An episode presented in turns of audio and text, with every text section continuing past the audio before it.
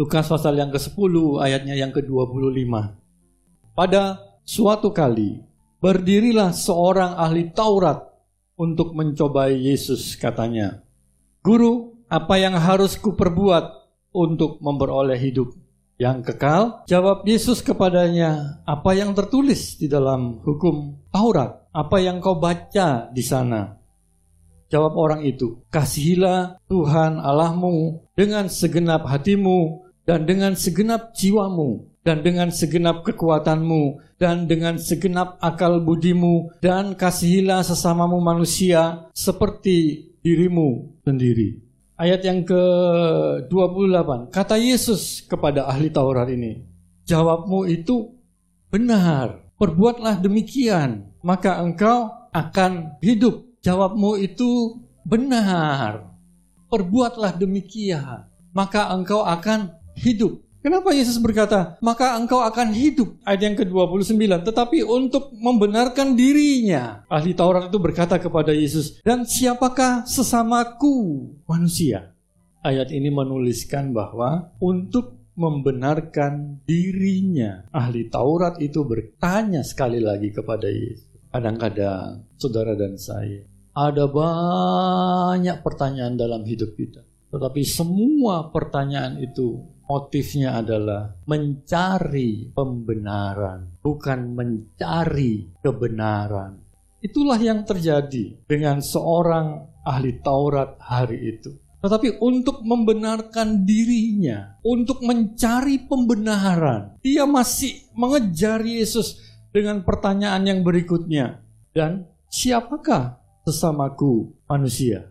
Pernahkah saudara berpikir bahwa seorang ahli Taurat itu adalah orang yang merasa dirinya paling benar, paling tahu tentang Taurat, paling saleh hidupnya, tidak ada orang yang bisa mengkritik dia, menjamah mereka, yang mengoreksi mereka, karena mereka merasa orang yang paling benar di atas muka bumi. Dan mereka intinya adalah mencari pembenaran diri.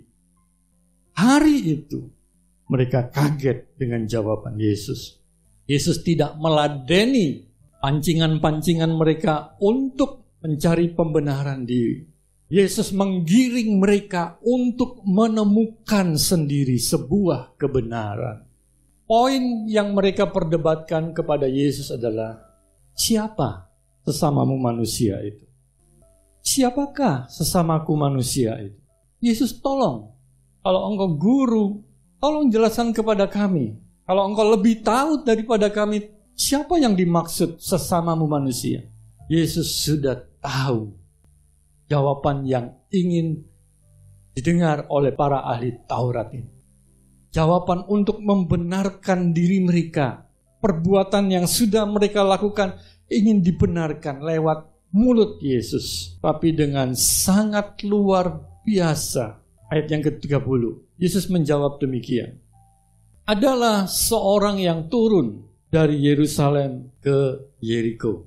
Yesus sangat bijaksana ketika dia menjelaskan tentang satu hal. Dengan cara yang sederhana mungkin, Yesus berupaya memberitakan kebenaran. Seprak praktis mungkin Yesus ingin tunjukkan sebuah kebenaran, mengajarkan kebenaran. Jawab Yesus, adalah seorang yang turun dari Yerusalem ke Yeriko. Ia jatuh ke tangan penyamun-penyamun yang bukan saja merampoknya habis-habisan, tetapi yang juga memukulnya dan yang sesudah itu pergi meninggalkannya setengah mati.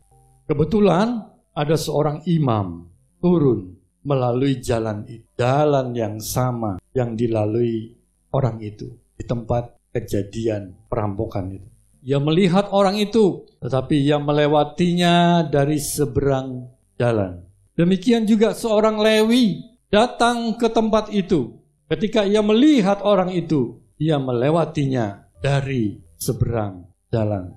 Lalu datang seorang Samaria yang sedang dalam perjalanan ke tempat itu. Dan ketika ia melihat orang itu, tergeraklah hatinya oleh belas kasihan. Ada tiga orang melihat hal yang sama, tetapi responnya tidak sama. Ada tiga orang berada di tempat yang sama, tetapi responnya tidak sama. Ada tiga orang, yang satu memiliki jabatan yang dianggap pada zamannya adalah sebuah jabatan yang terhormat, seorang imam. Yesus berkata, "Kebetulan ada seorang imam." Mereka tahu jabatan seorang imam, petinggi, jabatan yang terhormat, tetapi hari di mana peristiwa itu terjadi, dia tidak melakukan seharusnya yang dia lakukan ada satu pelajaran, ada satu message yang Yesus ingin sampaikan kepada ahli Taurat ini. Tentu di antara mereka ada yang mengemban tugas jabatan sebagai imam. Yesus bukan cuma menyindir tipis-tipis, tetapi Yesus menohok secara langsung di depan mata mereka. Kedudukanmu yang tinggi di bangsa ini, tapi hidupmu tidak jadi teladan. Hanya karena jabatan engkau lupa untuk hidup sebagaimana seharusnya engkau hidup. Melakukan sesuatu sebagaimana seharusnya engkau lakukan. Kadang-kadang kita lupa bahwa jabatan itu tidak boleh menghilangkan hal-hal yang seharusnya kita bisa lakukan. Kita berempati dengan orang-orang yang ada di bawah kita, orang-orang yang ada di sekitar kita.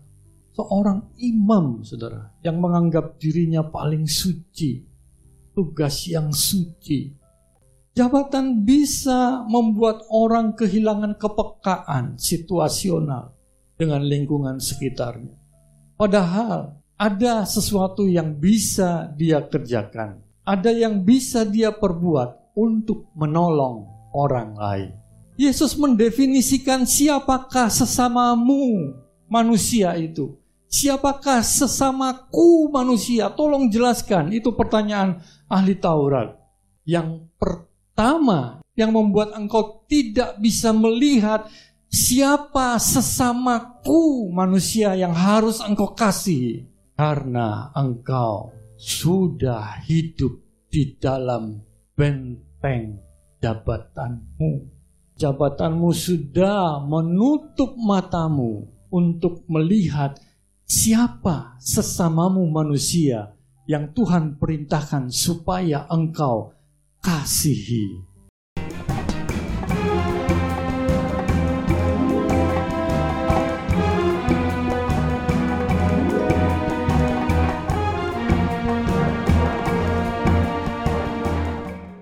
Yang kedua, demikian juga seorang Lewi datang ke tempat itu.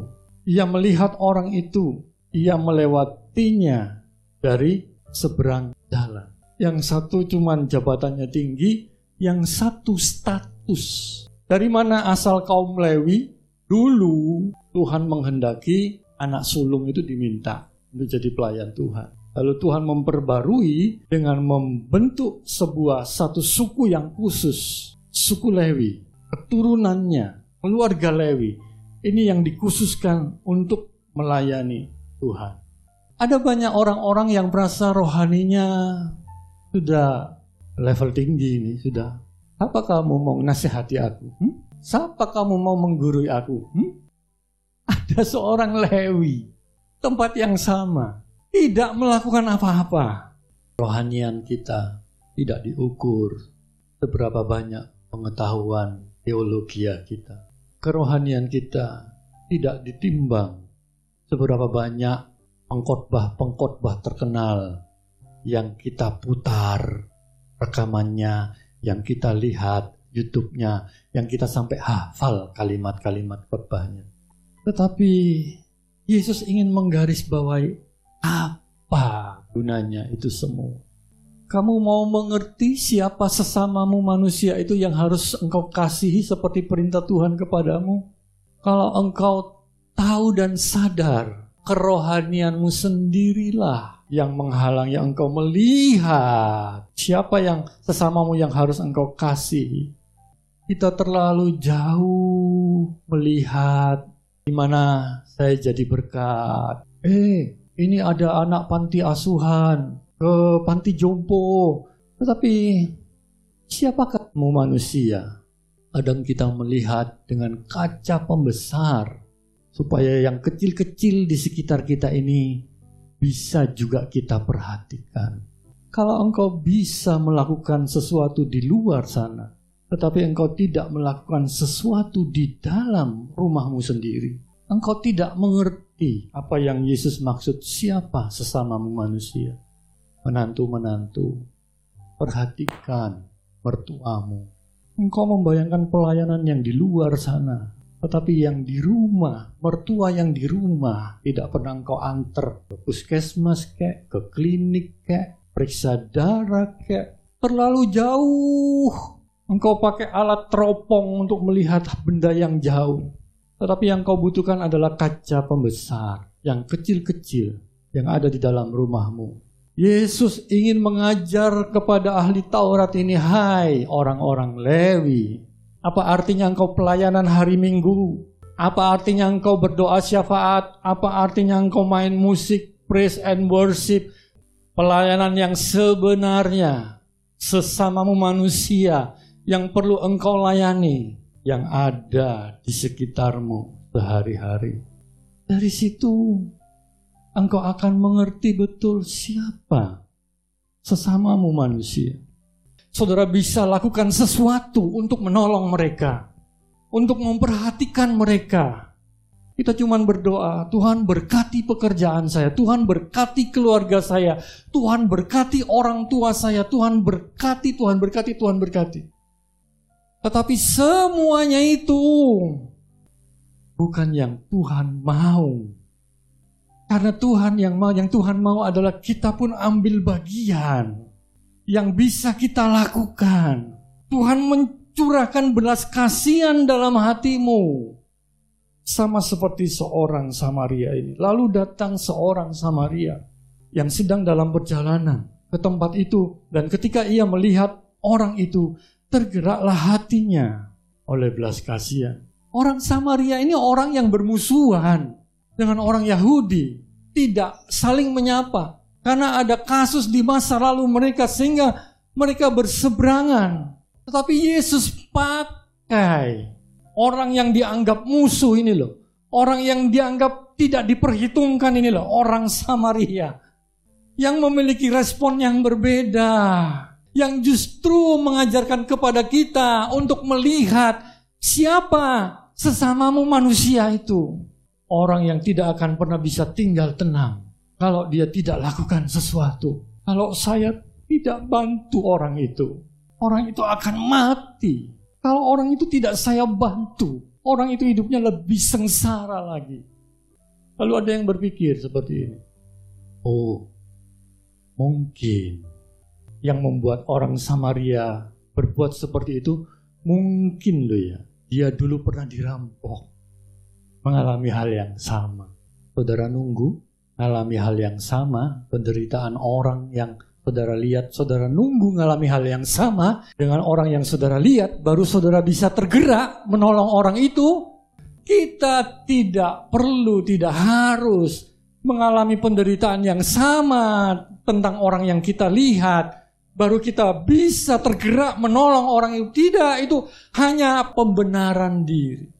Tetapi kebenarannya adalah Tuhan menggerakkan hatimu. Siapakah sesamamu manusia? Yang Tuhan rindukan adalah Tuhan memberi belas kasihan di dalam hati saudara untuk mengejawantahkan semua firman dan firman dan firman dan firman dan firman yang sudah beberapa banyak seberapa banyak kita dengar Tuhan ingin firman itu menjadi manusia.